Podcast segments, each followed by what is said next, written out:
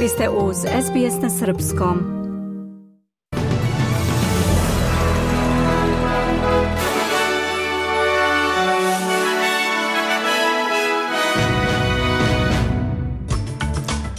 Kina pozvala sve strane na odgovornost u očuvanju bezbednosti pomorskih ruta u Crvenom moru. Inflacija u Australiji će padati usporeno, procenjuje ekonomski izveštaj Ujedinjenih nacija. Generalštab Vojske Srbije predložio vraćanje obaveznog služenja vojnog roka.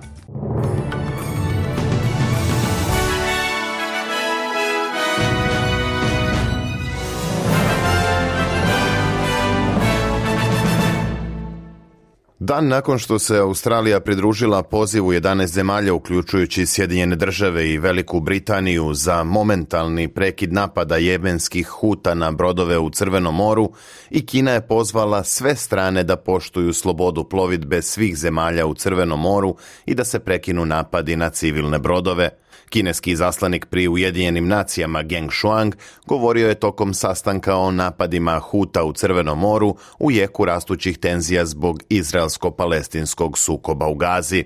Shuang je pozvao na smirenost i uzdržanost svih strana, dodajući da je pitanje Jemena trenutno na ključnoj prekretnici.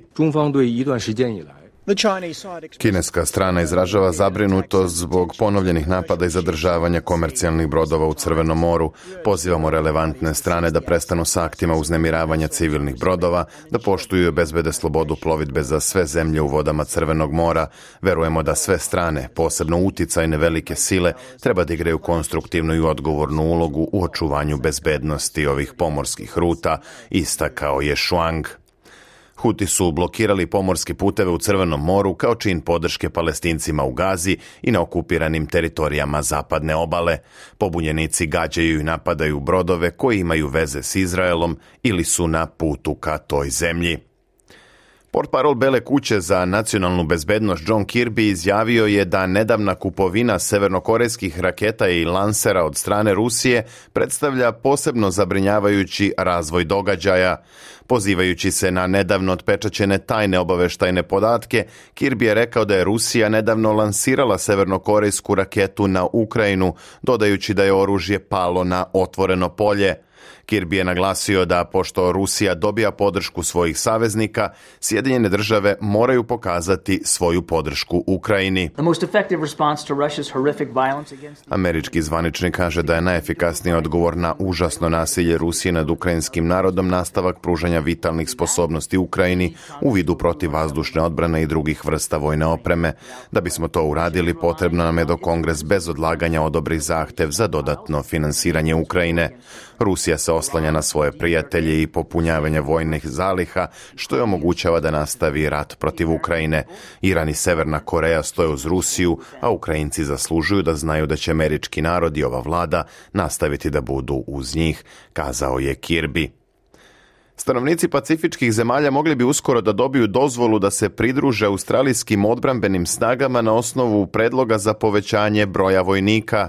Ministar odbrane Matt Kiog kaže da vlada razmatra načine da poveća australijske vojne snage zbog postojećih problema sa regrutacijom.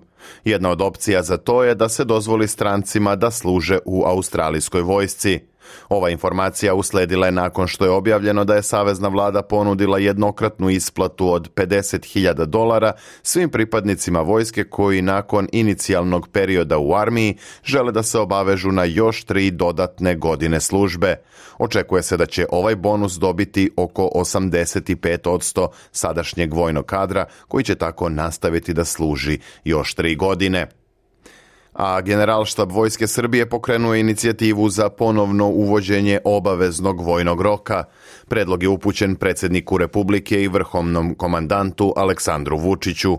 Kako je rekao ministar odbrane Miloš Vučević, predloženo je uvođenje obaveznog vojnog roka u trajanju od četiri meseca. U saopštenju Ministarstva odbrane navodi se da je inicijativu pokrenuo Generalštab Vojske Srbije u cilju podizanja odbranbenih sposobnosti vojske kroz podmlađivanje i unapređenje popune i obučenosti aktivnog i rezervnog sastava. Kako se ističe, predlog generalštaba dolazi nakon detaljnog razmatranja opšte bezbednostne situacije i savremenih izazova s kojima se suočava Srbija kao vojno neutralna zemlja – Ti izazovi su nametnuli potrebu za prilagođavanje modela popune Vojske Srbije, a koji bi omogućio jačanje ukupnog regrutnog potencijala i usposobljavanje većeg broja građana za odbranu zemlje. Ministar Vučević je rekao da će konačna odluka biti doneta u Narodnoj skupštini i naglasio da se Srbija ne sprema za ratove niti za bilo kakve sukobe, već se smatra da je uvek bolje ulagati u svoju vojsku nego hraniti tuđu.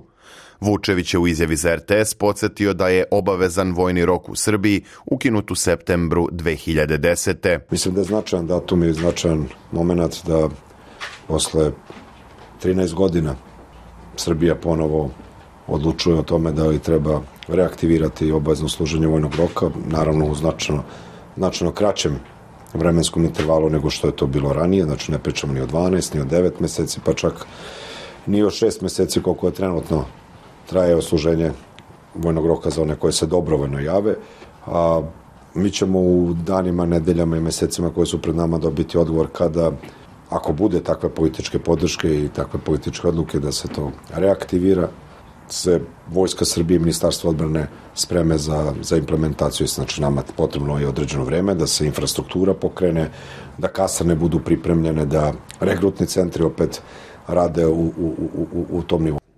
Rast cena zakupa nekretnina u Australiji verovatno će ograničiti i usporiti borbu protiv inflacije u ovoj godini, objavljeno je u projekciji međuvladine organizacije u okviru Ujedinjenih nacija. Izraženo je očekivanje da će doći do postepenog pada inflacije u Australiji i Novom Zelandu tokom narednih 12 meseci, a kaže se i da su za spor napredak odgovorna pre svega konkurentna tržišta iznajmljivanja u obe države. U izveštaju UN-a o svetskoj ekonomskoj situaciji i izgledima za 2024. navodi se da će inflacija ostati relativno visoka u Australiji ove godine zbog ubrzanog rasta cena zakupa izazvanog nedostatkom stambenog prostora. Prema prognozama, inflacija potrošačkih cena u Australiji trebalo bi da se smanji na 3,3 do kraja 2024. pre nego što padne na 3 tokom 2025. godine. Godišnja inflacija u Australiji iznosila je 5,4% u septembarskom kvartalu, što je pad u odnosu na 6% iz junskog tromesečja. Vlada Queenslanda objavila je saradnju s aviokompanijama Jetstar i Qantas kako bi građanima Australije ponudila snižene cene letova do gradova i regionalnih centara u ovoj državi. Trenutno severni Queensland osjeća jake posljedice bivšeg tropskog ciklona Jasper i velikih poplava koje su usledile. To je stvorilo ekonomski pritisak na preduzeća koja obično dobro posluju u ovo doba godine. Premijer Queenslanda Steven Miles rekao je za ABC da je Cairns kao jedan od turističkih centara na severu spreman da dočeka goste. Cairns i veći deo krajnjeg severa države funkcionišu normalno. Prodavnice i preduzeća su otvorene iskreni, nažalost trenutno nema onoliko posetilaca koliko smo navikli u špicu turističke sezone, zato je naš fokus da dovedemo što više ljudi ovde u Cairns i na krajnji sever Queenslanda. Za to vreme u fokusu međunarodne javnosti ponovo je slučaj seksualnog prestupnika Jeffreya Epstina – na desetine ranije zapečaćenih sudskih dokumenata u vezi s njim otvoreno je u prošlu sredu tokom suđenja Epsteinovoj saradnici Ghislaine Maxwell potvrđeno je da se u spisima među 150 ljudi pojavljuju imena bivših američkih predsednika Billa Clintona i Donalda Trumpa, pokojnog pevača Michaela Jacksona, britanskog princa Andrewa i drugih. Ova i mnoga druga imena pominju se u tužbi Virginije Žufre, jedne od najistaknutijih osoba koje su iznele optužbe protiv Epstina. Epstein je optužen za zlostavljanje velikog broja maloletnih devojčica, a 2019. uhapšen je pod optužbom za seksualnu trgovinu.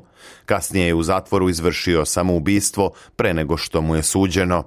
Advokat iz Bostona Ben Chu rekao je za Kanal 9 da one koji su na listi Epsteinovih saradnika i gostiju čekaju veoma loše vesti po njihov ugled. Uvek je loše kada se vaše ime povezuje sa Jeffreyem Epsteinom, kaže Chu, ali dodaje i da za sada uopšte nije jasno da li postoje bilo kakve pravne implikacije po bilo koju od tih osoba.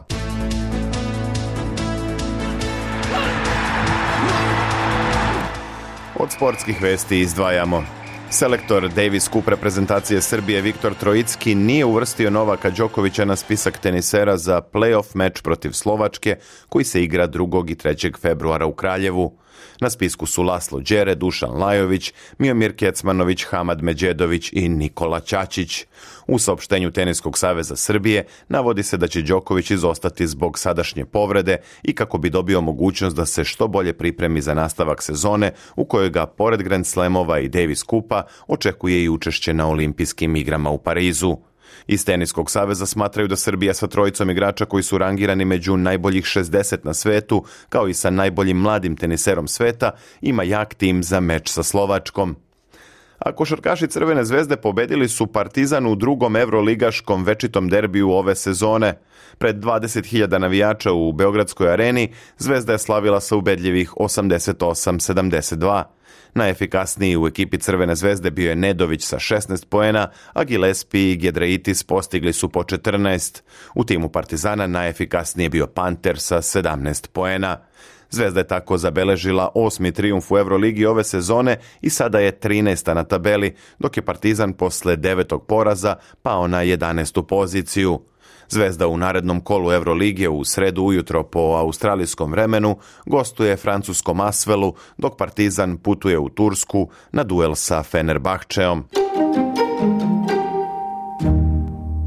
Evo i kakvo nas vreme čeka za Božić. U Sidneju povremeno oblačno i najviše 28 stepeni, u Melbourneu kiša u popodnevnim satima i maksimalno 30, dok se za Kamberu najavljuje uglavnom vedro i 28. Sutra u Adelaidu jutarnji pljuskovi i 28, u Pertu sunčano i toplo 36, a u Brisbaneu povremeno oblačno i najviše 29. Za Darwin se najavljuje kiša s grmljavinom, temperatura do 33 stepena, a u Hobartu uglavnom sunčano i 29. Bilo je to sve u pregledu najznačajnijih vesti.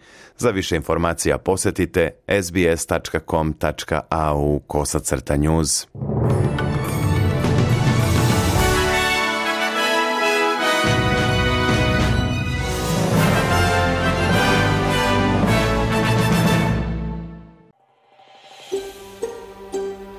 Želite da čujete još priča poput ove?